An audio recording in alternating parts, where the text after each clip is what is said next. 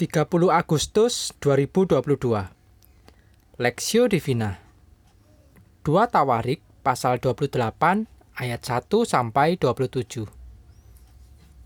Ahas berumur 20 tahun pada waktu ia menjadi raja dan 16 tahun lamanya ia memerintah di Yerusalem. Ia tidak melakukan apa yang benar di mata Tuhan seperti Daud bapa leluhurnya. Tetapi ia hidup menurut kelakuan raja-raja Israel. Ia membuat patung-patung tuangan untuk para Baal. Ia membakar juga korban di Lebak bin Hinom dan membakar anak-anaknya sebagai korban dalam api. Sesuai dengan perbuatan keji bangsa-bangsa yang telah dihalaukan Tuhan dari depan orang Israel. Ia mempersembahkan dan membakar korban di bukit-bukit pengorbanan dan di atas tempat-tempat yang tinggi, dan di bawah setiap pohon yang rimbun. Sebab itu, Tuhan Allahnya menyerahkannya ke dalam tangan Raja orang Aram. Mereka mengalahkan dia dan menawan banyak orang daripadanya yang diangkut ke Damsik. Kemudian ia diserahkan pula ke dalam tangan Raja Israel dan mengalami kekalahan yang besar. Sebab dalam sehari Pekah bin Remalia menewaskan di Yehuda 120 ribu orang. Semuanya orang-orang yang tangkas. Oleh karena mereka telah meninggalkan Tuhan, Allah nenek moyang mereka.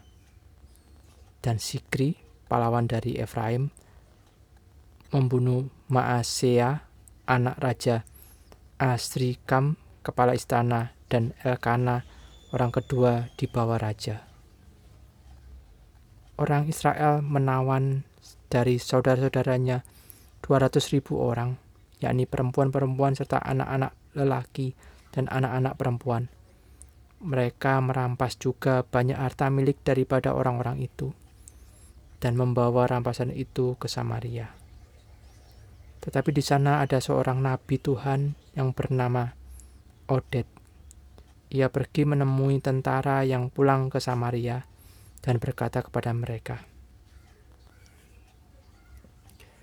Lihatlah, karena kehangatan murkanya kepada Yehuda, Tuhan Allah nenek moyangmu menyerahkan mereka ke dalam tanganmu, dan kamu telah mengadakan pembunuhan di antara mereka dengan kegeraman yang sampai ke langit. Dan sekarang kamu bermaksud menaklukkan orang Yehuda dan Yerusalem menjadi hambamu laki-laki dan perempuan. Tidak adakah padamu sendiri kesalahan yang besar terhadap Tuhan Allahmu? Maka sekarang, dengarkanlah kataku ini kembalikanlah orang-orang yang kamu tawan dari saudara-saudaramu itu, karena murka Allah menyala-nyala terhadap kamu. Lalu bangkitlah beberapa pemimpin Bani Efraim, yakni Asaria bin Yohanan, Berekya bin Mesilemot, Yehiskia bin Salum, dan Amasa bin Hadlai menghadapi orang-orang yang pulang dari perang dan berkata kepada mereka, "Jangan bawa tawanan-tawanan itu kemari, sebab maksudmu itu menjadikan kita bersalah terhadap Tuhan dan menambah dosa dan kesalahan kita. Sudah cukup besar kesalahan kita, dan murka yang menyala-nyala terhadap murka yang menyala-nyala telah menimpa Israel.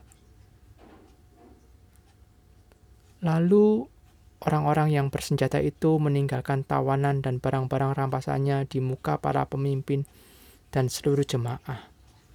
Dan orang-orang yang ditunjuk dengan disebut namanya bangkit, lalu menjemput para tawanan itu. Semua orang yang telanjang, mereka berikan pakaian dari rampasan itu. Orang-orang itu diberi pakaian, kasut, makanan, dan minuman. Mereka diurapi dengan minyak dan semua yang terlalu payah untuk berjalan diangkut dengan keledai dan dibawa ke Yeriko ke kota pohon korma dekat saudara-saudara mereka. Sesudah itu orang Israel itu pulang ke Samaria. Pada waktu itu Raja Ahas menyuruh utusan kepada Raja negeri Asyur untuk memohon bantuan. Karena orang Edom telah datang pula mengalahkan Yehuda serta mengangkut tawanan-tawanan. Orang-orang Filistin juga telah menyerbu kota-kota di daerah bukit dan di tanah Negeb Yehuda.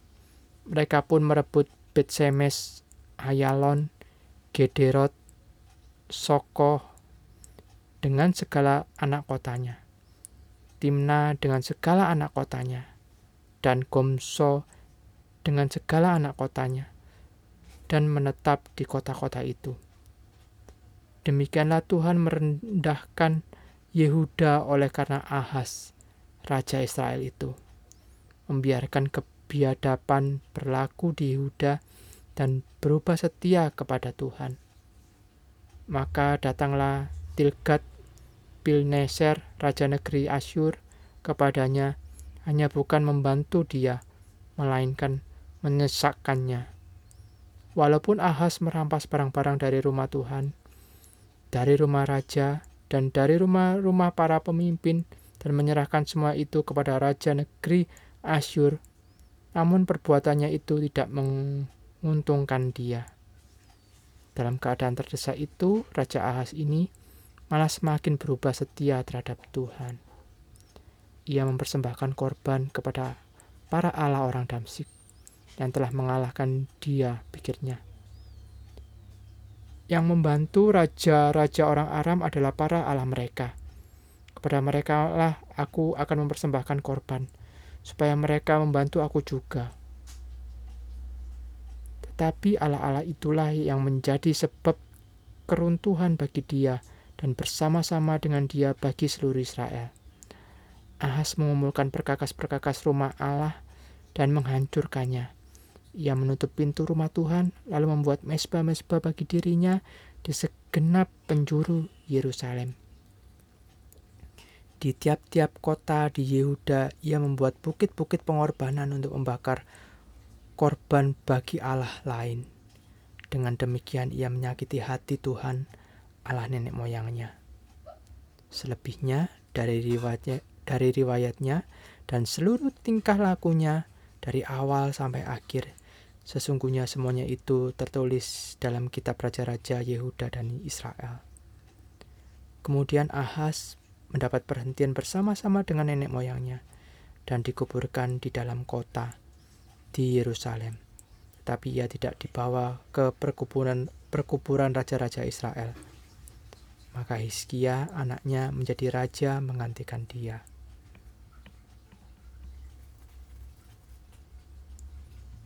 Makin terdesak, makin tidak setia. Perspektif. Dalam keadaan terdesak itu, Raja Ahas ini malah semakin berubah setia terhadap Tuhan. Dua Tawarik pasal 28 ayat 22. Kesulitan dan pergumulan bisa menjadi batu loncatan bagi seseorang untuk bertumbuh dewasa secara rohani. Atau sebaliknya, membuat seseorang semakin hancur, tidak setia, dan menjauh dari Tuhan. Ketika kehidupan semakin sulit, kita seharusnya semakin dekat dengan Tuhan, bukan semakin tidak setia dan menjauhi Tuhan. Karena Tuhanlah satu-satunya sumber pertolongan dan kekuatan. Inilah yang terjadi kepada Raja Ahas Ahas melakukan penyembahan berhala dengan mengorbankan anak-anak sebagai korban api seperti perbuatan keji bangsa-bangsa yang telah dihalau oleh Tuhan dari depan orang Israel. Maka Tuhan menghukumnya dengan membangkitkan Raja Aram untuk menyerang dia. Namun hukuman itu tidak menjadikan Ahas sadar dan bertobat. Dia justru memohon pertolongan kepada Raja Asyur, yang akhirnya membuat Ahas semakin terpuruk bukan pertolongan yang didapatnya, melainkan kesesakan. Ayat 16 sampai 20. Keadaan yang sulit tidak membuat mata dan hatinya terbuka untuk melihat maksud Tuhan. Ahas justru semakin tidak setia kepada Tuhan. Dia malah mempersembahkan korban kepada Allah asing. Ayat 22 sampai 25. Sungguh menyedihkan. Ahas tidak mengingat dan mencari Tuhan dalam situasi demikian. Kisah hidup Raja Ahas menjadi satu peringatan penting bagi kita, orang percaya seharusnya Allah adalah yang terutama dalam hidup kita. Ketika menghadapi masalah, seharusnya kita ingat bahwa kesulitan merupakan kesempatan untuk bertumbuh dewasa secara rohani dan semakin setia, bahkan lebih dekat dengan Tuhan. Jika ada peristiwa-peristiwa yang terjadi dalam hidup kita, yang membuat kita terdesak dan tidak lagi setia kepada Tuhan, maka kita perlu waspada. Koreksilah diri kita. Apakah mata hati kita sedang tertutup oleh kebenaran, sehingga kita tidak bisa melihat dan merasakan karya Tuhan dalam hidup? Keadaan terdesak karena masalah yang sulit bukanlah alasan untuk tidak setia kepada Tuhan apabila hal itu sedang terjadi. Datanglah kepada Tuhan, mintalah pertolongannya untuk kita bisa mengerti rencana dan kehendaknya dalam hidup kita. Studi pribadi, menurut bacaan hari ini, apa yang perlu Anda lakukan supaya senantiasa setia kepada Tuhan? Pokok doa, berdoalah bagi kehidupan jemaat agar dalam kesulitan apa pun mereka tetap setia kepada Tuhan dan semakin dekat dengan Tuhan.